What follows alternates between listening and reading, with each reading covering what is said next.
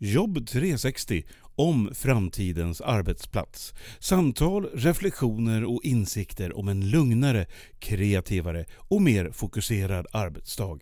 Inbjudna gäster tillsammans med Pia Andreasson och hennes kollegor från Direxio.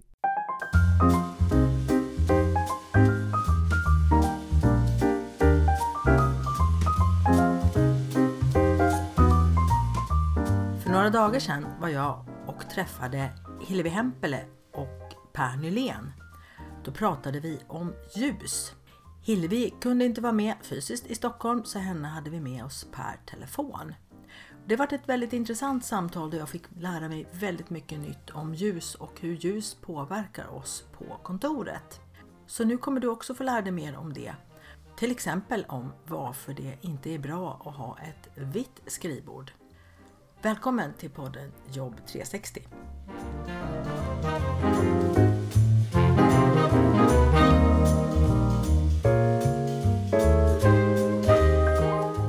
Välkomna då hit till podden Hillevi Hempele och Per Nylén.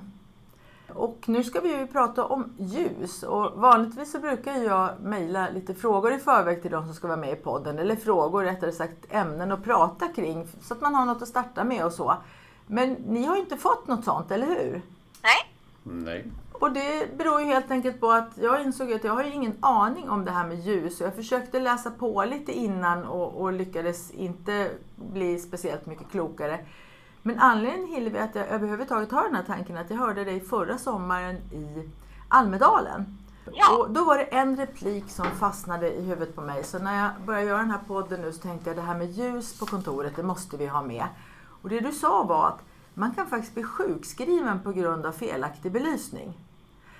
Ja. Så, och det låter ju all, ganska allvarligt att man inte har tänkt mer på det. Så att Hillevi, du är forskare och Per, du jobbar på Arbetsmiljöverket. Jag tänkte att ni får presentera er här nu i tur och ordning. Hillevi, kan du berätta lite mer om dig? Hur kom det att du blev sån här ljusnörd? Hur kom det sig? Min bakgrund är att jag är optiker. Och när jag gick på optikerutbildningen så fick jag gå en kurs i visuell kvalitet. Där vi hade en fantastisk föreläsning som berättade för oss att kunskapen, baskunskapen om ljus var så otroligt låg ute bland folket. Och sen samma vecka som jag satt och hade börjat jobba som optiker så fick jag in en tjej som var extremt ljuskänslig och som fick huvudvärk när hon satt på föreläsningar och när hon satt på biblioteket och pluggade.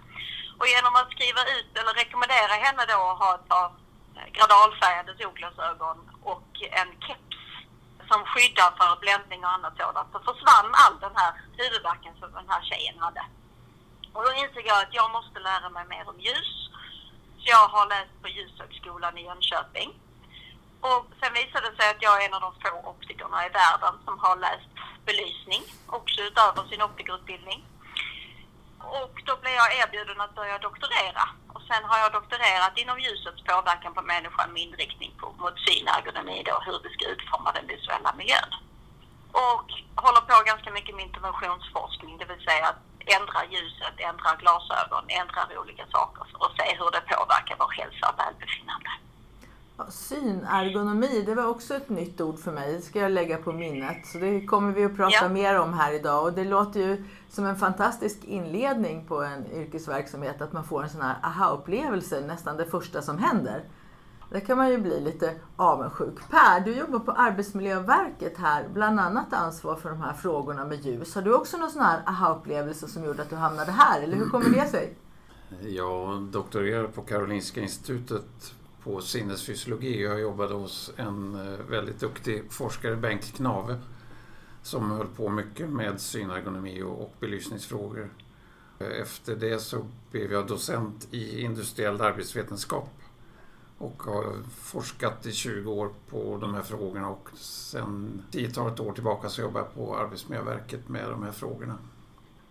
Hillevi, hur har synen på det här med ljus på kontoret utvecklats? Ser du att det går åt rätt håll eller vad, vad tänker människor när de tänker ljus idag på kontoret?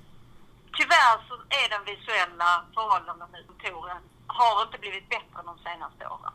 Det är mycket problem med, med bländning ute på arbetsplatser. I kontorslandskap och så vidare är det ett jättestort problem att man blir bländad av grannens armatur. Problemet som vi har, som jag upplever det, är att om man frågar någon vad är bra ljus? Så är det ju inte så många som kan svara på den frågan. Därför att vi har aldrig fått någon referensram över vad bra ljus är. Vilket betyder att vi har aldrig lärt oss att ifrågasätta vad som är bra ljus och vad som är dåligt ljus.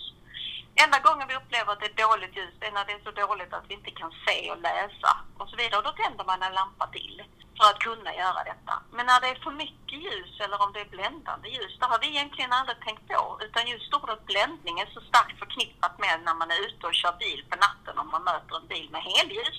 Då är jag bländad. Men det räcker att det är en för stark lampa inom synfältet som kan påverka mig och det kan påverka min arbetsförmåga. Där ser man. Och Per, det här att det påverkar arbetsförmågan, det är ju någonting som, som ni jobbar mycket med här, eller nästan. Det är bara det ni, ni jobbar med egentligen. Det ska vara bra på jobbet och man ska ha rätt förutsättningar. Mm. Hur gör ni för att hjälpa företag och organisationer att tänka på det här med ljus?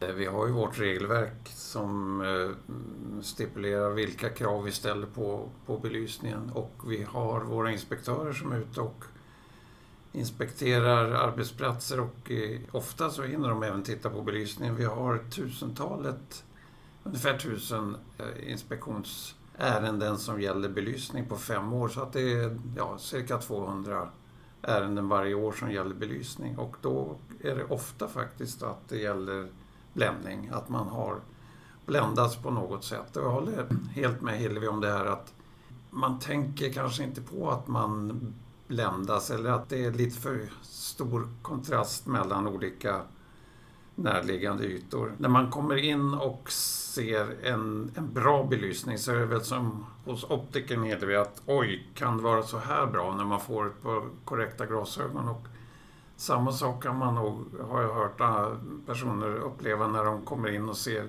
man ställer in ljuset på korrekt sätt så säger man oj, att det kan vara så här bra belysning, det har jag inte tänkt på. Så man blir gärna hemmablind i en bristfällig belysning. Ja, he hemmablind, det var just rätt uttryck kanske. Jag hade ju ett, eh, Joakim Sjölander här i podden här om veckan som pratade om ljud och han sa att när man ska mäta ljud då har man ju två väldigt bra mätinstrument på var sida om huvudet och de mm. kan berätta väldigt mycket för en. Men Hillevi, du nämnde för mig, vi pratade lite kort i telefon faktiskt inför det här samtalet, att ögonen hjälper en ju inte på samma sätt. De gör sitt jobb så gott de kan och, och berättar inte så mycket. Hur kan man då mäta vad, vad, som är ett bra ljus så att man kan få fram det här som Per just berättade om? Vad finns det för möjligheter där? Det jag brukar säga när jag är ute och pratar, det har jag hört Per också säga, är att våra ögon är gjorda för när vi bodde ute i naturen. De är gjorda för skogen, de är gjorda för savannen, de är gjorda för den sortens mjuka miljöer. När vi är ute, utomhus i skogen så är det ju bara svaga gradienter runt omkring oss överallt. Det är inga skarpa färger. Det är inga skarpa kontraster. Mer än när man kanske tittar på att det är varning. Som vi tittar på att om vi har en geting, då är det eh, gult och svarta ränder. Då vet vi om att det där är varning.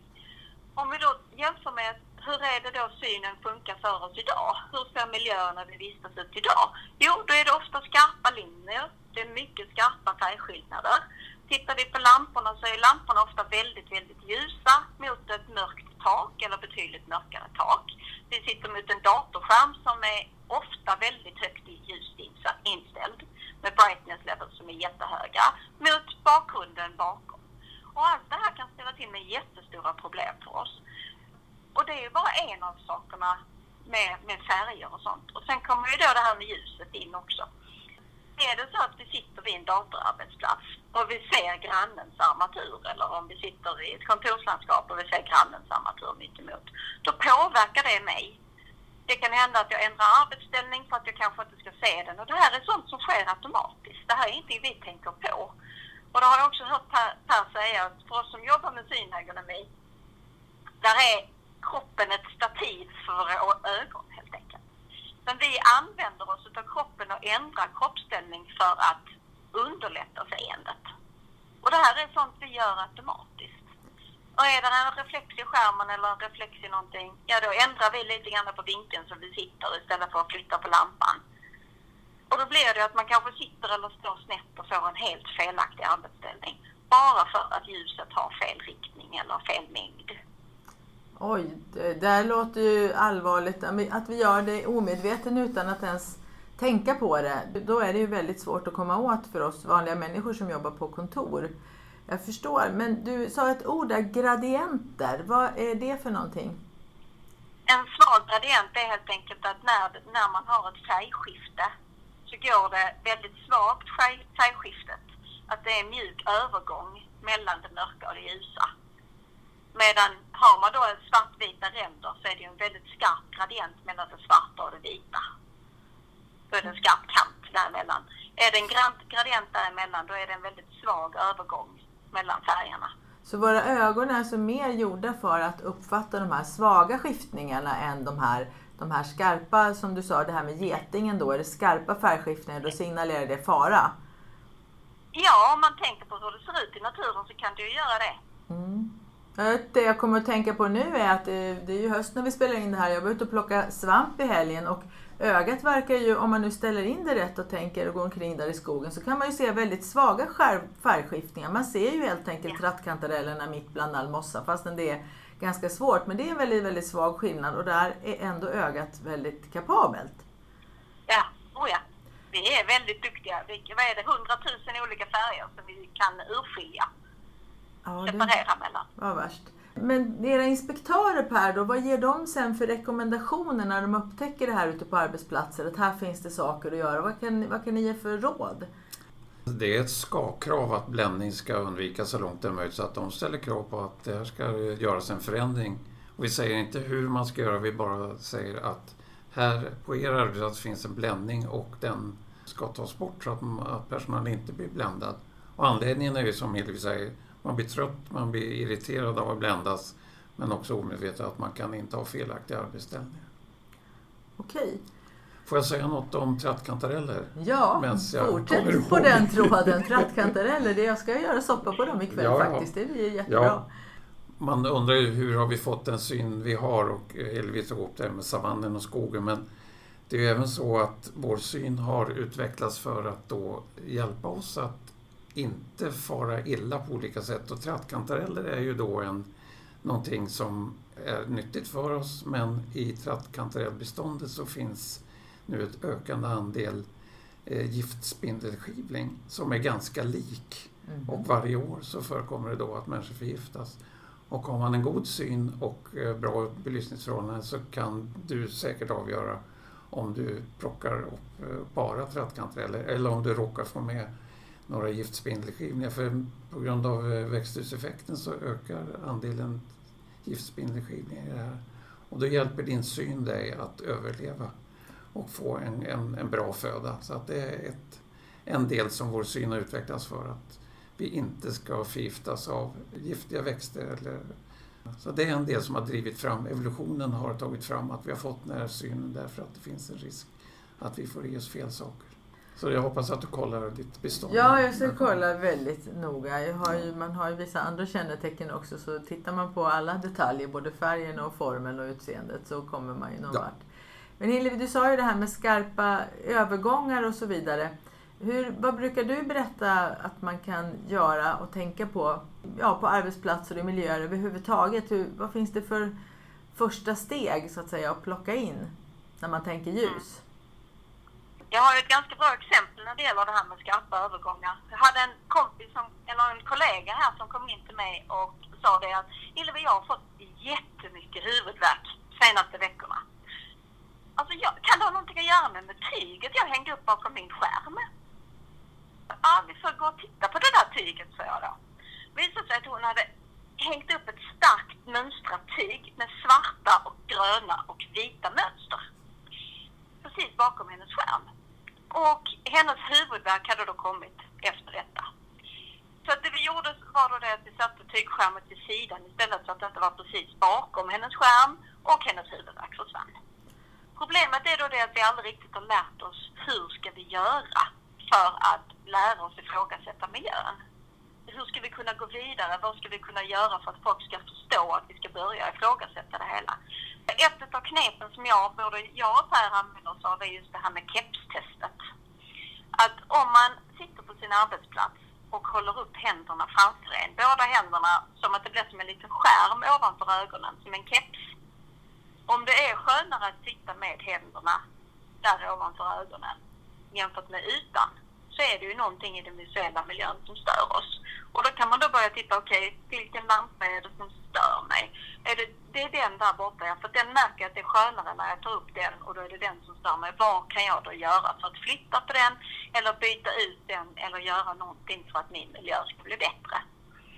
Vi har ju till och med fall där folk har satt upp strandparasoller ovanför sina skrivbord för att de ska slippa bländningen från armaturer runt omkring. För att de har börjat bli in, inse att det här är ett problem.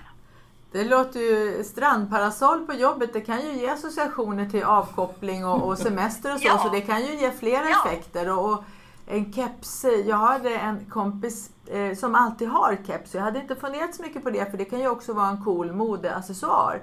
Men i mm. somras sa jag till henne att jag letar efter en sån här keps som du har, de så här lite större som eh, Keira Knightley Love actually har och det ser ju också så himla coolt ut. Så att jag, men jag, hittar, jag har så stort huvud så jag kan inte hitta sådana. De, de sitter ovanpå mitt huvud ändå.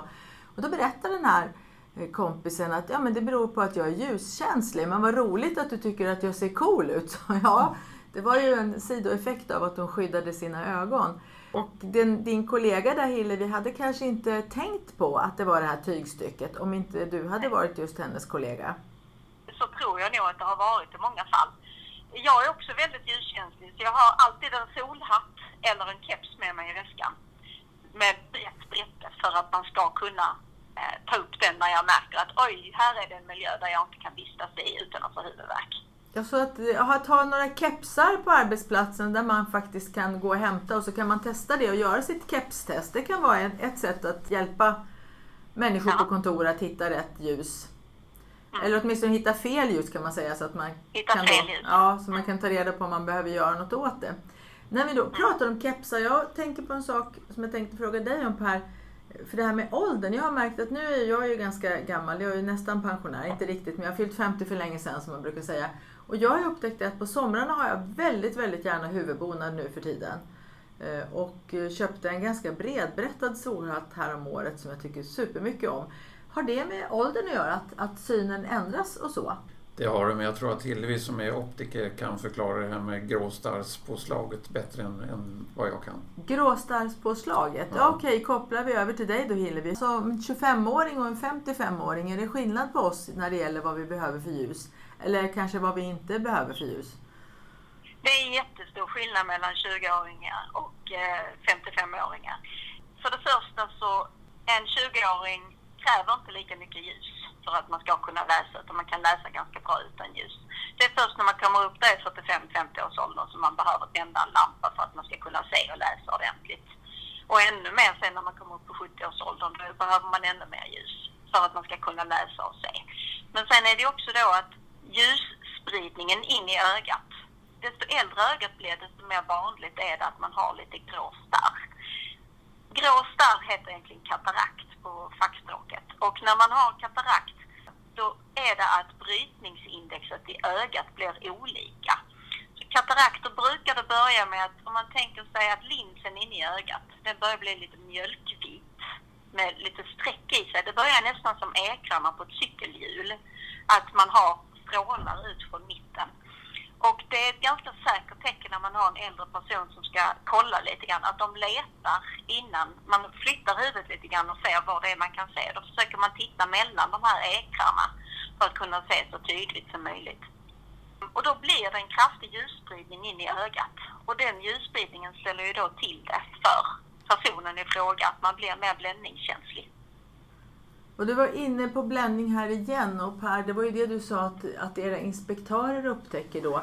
Hur reagerar företag och organisationer när de får veta det här? Då gör de saker eller, eller konstaterar de bara att här var det bländning och sen så vet de inte? Hur stor är kunskapen ute på företagen om vad man kan göra?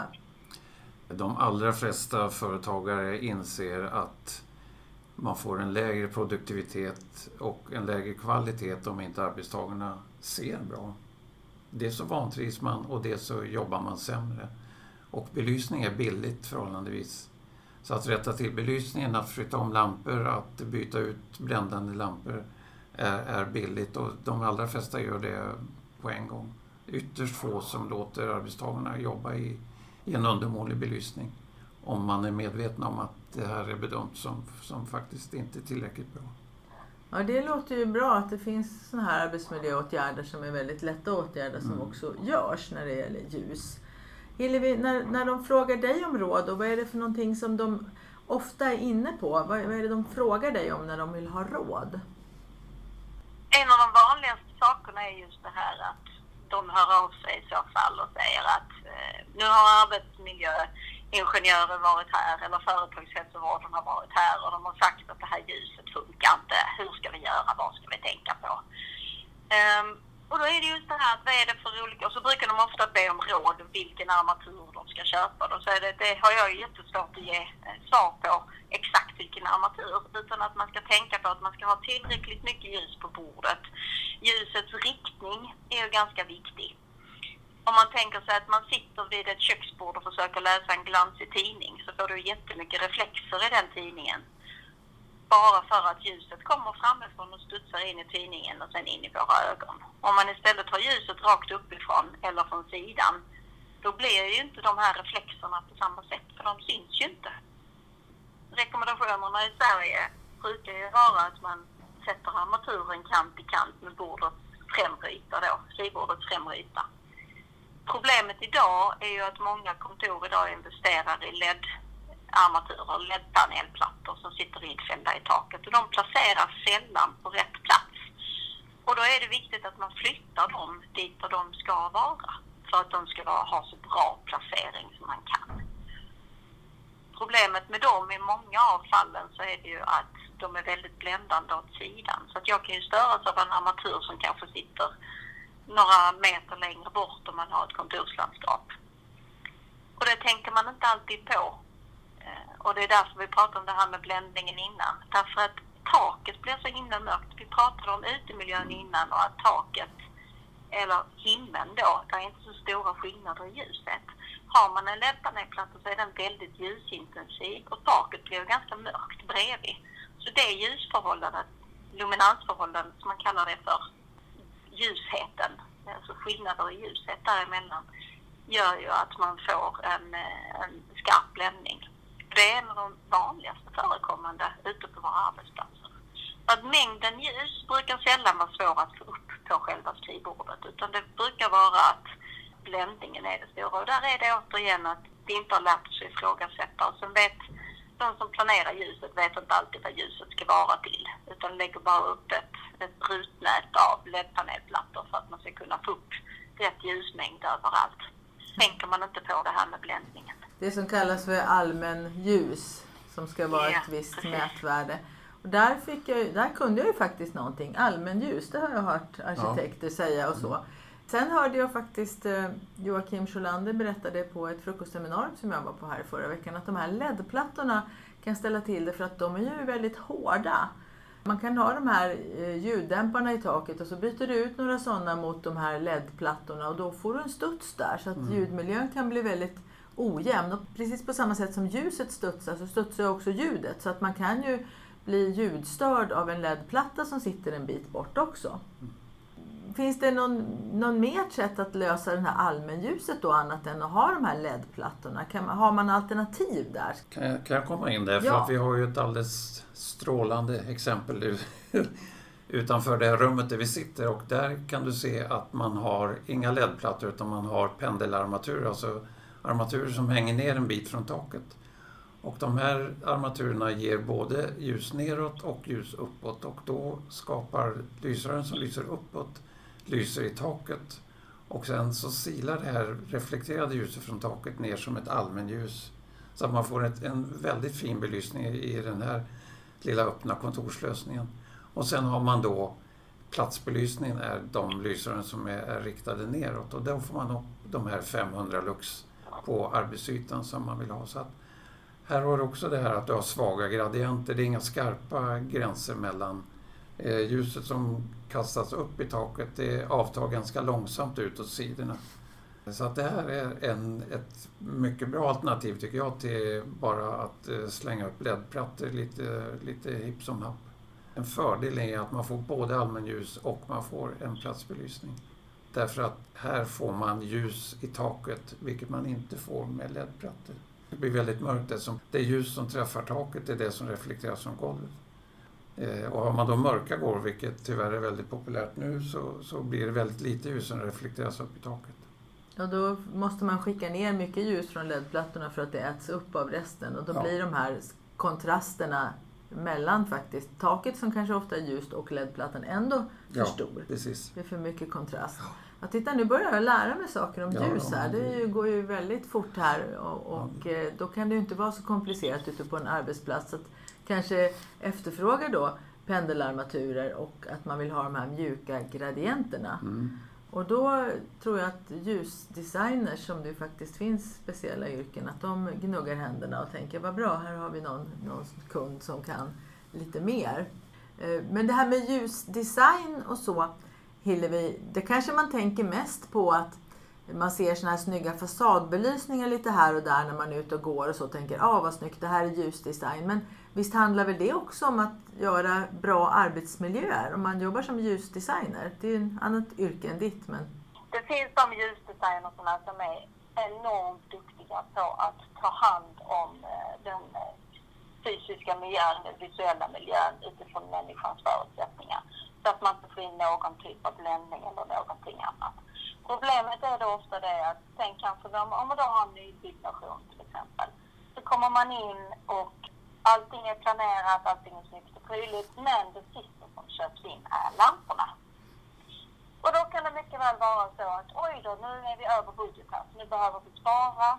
Och så sitter det någon elkille som säger att ja men den här armaturen ser likadan ut, så vi tar den istället. Mm kanske den har helt andra raster och helt annan funktion och även om de kanske har tänkt nerpendlat från början så kanske det blir en mycket billigare nerpendlad armatur som inte alls har lika bra ljusspridning på i taket som Per berättar om.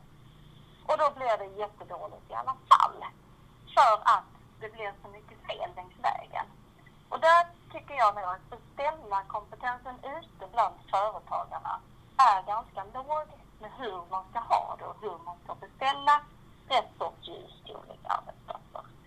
Och även om det då kanske, och ibland så kan det vara att kunskapen kanske inte är den bästa bland folket som är runt omkring heller. Vilket är, är lite synd. Och då blir det ofta tokigt. Ja, jag tänker på, jag var på ett studiebesök för något eh, år sedan, nu ska jag inte säga vad det var, men det var ett nytt fint eh, kontor som var aktivitetsbaserat och alla var väldigt nöjda. Och det var väldigt genomtänkt och trevligt på alla sätt. Både med tanke på vilka som ska jobba där och vad de ska göra. Men jag kommer nu ihåg att hon som guidade runt sa att och så råkade lamporna hamna på fel ställe därför att de sitter ju inte riktigt där de ska. Och, eh, och vi kanske ska flytta på dem men eh, vi får se hur det blir. Och då tittade man upp i taket och då såg man visserligen, jag kommer ihåg att det var såna här pendelarmaturer då som hänger ner en bit. Men de hängde lite här och där i, i relation till skrivborden kan jag säga. Eh, Vissa hade de rakt ovanför skrivbordsytan och andra hade de i, i nacken och, och så. Utav de skrivbord som stod utplacerade i just den ytan. Och där berättade du, Hillevi, i Almedalen där att skrivbordsytan, du frågade hur många av er har ett vitt skrivbord? Jag tror du ställde den frågan. Och så Ja. räckte vi upp handen allihopa och då skakade du på huvudet. Och sen berättade du, vad, vad är det som inte är så bra med att ha ett vitt skrivbord? När vi nu tittar på vad det är för färger som finns på skrivbord. Man har ju vita och svarta skrivbord. Är, är inte de, den bästa färgerna man kan ha. Utan att de vita skrivborden, speciellt högblanka skrivbord, gör ju att det blir mycket reflexer och då får vi svårt att se. Även om vi har ett matt vitt skrivbord så blir det väldigt ljust runt omkring oss ner till. För att vi ska kunna läsa bekvämt på ett vitt papper, vilket vi i de flesta fallen har, eller en bok eller någonting, så behöver vi ha viss skillnad till bakgrunden för att ögat ska kunna fokusera på det vi läser på. Så att det ska vara en lagom skillnad i ljuset till bakgrunden för att vi lättare ska kunna få en bra läshastighet och läsförståelse av materialet. Har vi brandmönster så har vi sett att det här påverkar enormt mycket läshastighet och läsförståelse. Har vi då ett svart bakgrund, då blir det ju väldigt skarpa kontraster som vi pratade om innan mot det vita plattat och den svarta bakgrunden. vilket gör att det blir jobbigt för oss. Har vi då istället en sån här ljus träyta eller ett eh, gråaktigt bord, då är det mycket, mycket bättre. För då är det lagom kontrast till pappret. Pappret syns, men det syns inte för mycket. Vilket gör att vi kan klara av att fokusera och vi har en naturlig, mer harmonisk miljö runt omkring. Det blir ju jättebra om man har en naturfärgad också yta därför att om man har så lite kaffefläckar på skrivbordet så syns ju de också lite mindre och blir mer dämpade och så. Så då blir man inte så störd på det heller. Så det, det kan ju vara en fördel. Jag tänkte på sådana här golv som fanns förr i tiden som hette korkoplast. Mm. De finns inte längre men sådana har jag haft i hus bakåt i tiden. Jag har ju som sagt varit med ett tag. Och jag tyckte det var magiskt därför att det syntes ju inga fläckar. Det var ju inte förrän det började knastra under fötterna som man behövde göra någon slags städåtgärd. Så det är alltså samma med skrivborden, alltså en, en, en mera ja, naturfärgad yta kanske med någon liten variation i mönstret är bäst för ögat för det skapar den här mjuka kontrasten. Och det vi ofta brukar rekommendera om det är nu så att man sitter med ett högblankt vitt skrivbord och du kan, kanske inte kan köpa in ett nytt skrivbord så finns det sådana här plast som man kan sätta på som man köper till exempel till skåp i köket för att byta färg på, på, på dem så finns det sån här plastfilm man kan sätta på som är grå matt. Och då kan man täcka in bordet i det. och Då kommer det nu till att kännas betydligt bättre. Jag har en del ergonomer som har gjort de förbättringarna ute på arbetsplatser och de flesta arbetstagarna har blivit mycket, mycket nöjdare och upplever en stor förbättring av den visuella miljön av att man har dämpat ljusheten från eh, skrivbordet. Ja, då är det inte särskilt kostsamma åtgärder heller att bara klistra över den här ytan. Så Per, jag tänkte vad vill du skicka med dem som lyssnar här nu då? Ska man kontakta en sån här inspektör på en gång eller ska man bara göra det när det är problem eller kan ni hjälpa till att kolla av det redan från början? Vi har ju funktionskrav, vi har inte hur man gör utan att det ska fungera. Så att gången ska vara att man tänker efter själv, man kontaktar sin chef eller sitt skyddsombud eller sitt huvudskyddsombud om man upplever att det här är alldeles för ljust, jag blir brändad, jag får ont i huvudet, jag, får, jag blir trött i ryggen, jag förstår inte varför.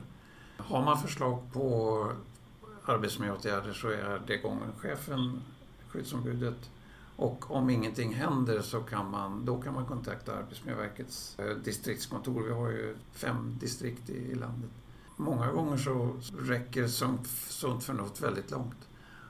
Och det som Hillevi pratade om, att det är naturfärgade skrivbord. Om du tittar ut här i, i det här öppna landskapet vi ser från vårt lilla sammanträdesrum så är det ingen slump att det är en ljus naturfärgad träyta på, på skrivborden här. Och det är ingen slump att vi har pendelarmaturer heller. Där har ni tänkt till helt enkelt? Ja, jag hade möjlighet att tänka till innan, innan man installerade detta.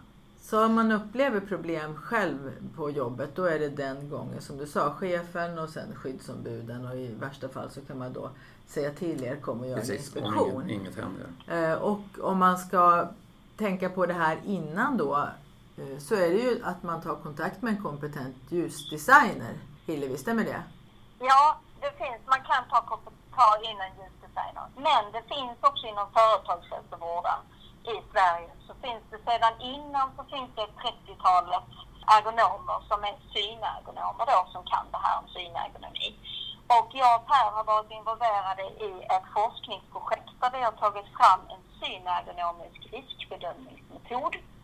Där vi då har kunnat jobba utifrån vad är det för faktorer som påverkar vår förmåga.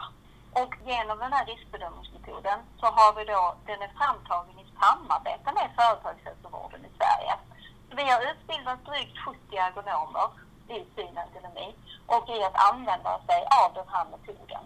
Så de individerna har ju väldigt hög kunskap i hur man kan utforma den visuella miljön och kan då vara med redan i planeringsstadiet.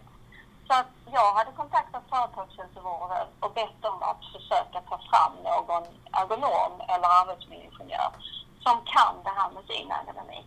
Och i framtiden så kommer vi också till att ha utbildningar i synergonomisk riskbedömning här vid Lunds universitet. Så att man kan ta del av det och öka sin kunskap och fördjupa sig. Så att jag hade, i första hand hade jag vänt mig till företagshälsovården och bett dem ta fram någon som kan det här med synergonomi. Då har vi rätt gång på det här då att om man upplever besvär så kan det ha med synen att göra. Både huvudvärk och nacke och så vidare. Så att, att man tar med det i beräkningen. Kanske gör det här kepstestet och känner efter då. Känns det bättre när jag sätter på mig kepsen? Hur kändes det när du gjorde kepstestet här? Ja, det kändes faktiskt ingen skillnad. Jag satt ju, du såg ju det Per. Jag satt Ja. ju när, när Hillevi Ja. sa det satte jag genast upp handen och sen tog jag bort den igen och konstaterade att det blev ingen skillnad. Nej. Faktiskt. Så då har du lyckats, Ja, eller ni lyckats bra. bra. även här i sammanträdesrummet. Att, En sak som jag kom på här är ju, som vi inte har nämnt är ju just kopplingen mellan öga och nacke. Och det har man ju tittat på i olika studier, eh, bland annat i Gävle, där man har sett att eh, om man måste anstränga ögonen för att kunna se tydligt.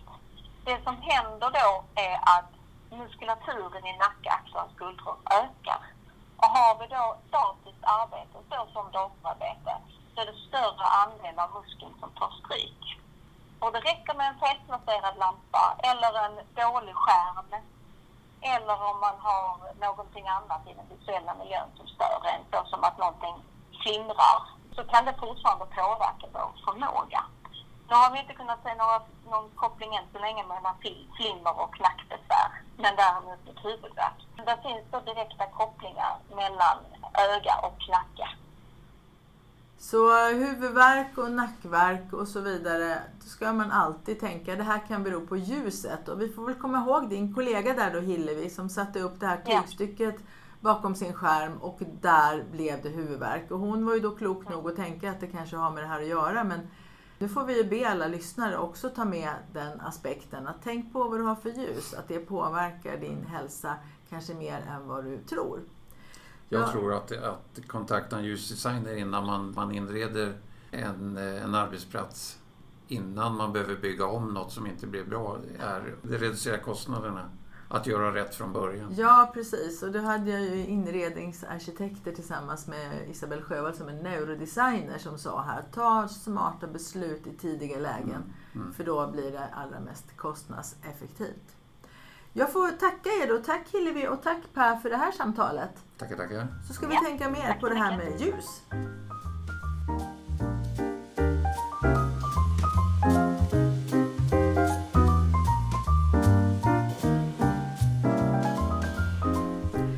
Jag säger tack igen till Hillevi och Per. Och jag hoppas att du också nu har lärt dig mera nya fakta om ljus. Jag hade ju ingen aning om att ljus påverkar så mycket. Och som sagt att färgen på skrivbordet kan betyda så mycket för hur du mår på jobbet. Att våra ögon är gjorda för savannen, det kunde man ju kanske räkna ut med tanke på att vår hjärna inte har ändrats så väldigt mycket de senaste 40 000 åren. En annan intressant sak tycker jag var att det finns väldigt mycket hjälp att få. Att företagshälsovården kan hjälpa till att titta på arbetsplatsen och eh, man kan få en bedömning från dem om man behöver ändra någonting i sin ljusmiljö. Så känner du att du har huvudvärk, att du är väldigt, väldigt trött när arbetsdagen är slut eller att du börjar få ont i nacke och axlar. Ja, då kan det ju vara ljuset det beror på. Så prata med företagshälsovården och fråga dem är det någonting i ljuset eller här i min fysiska ögonmiljö eller vad man ska säga som påverkar mig på det här sättet. Så kan de hjälpa till med det. Tack för att du lyssnar på Jobb 360.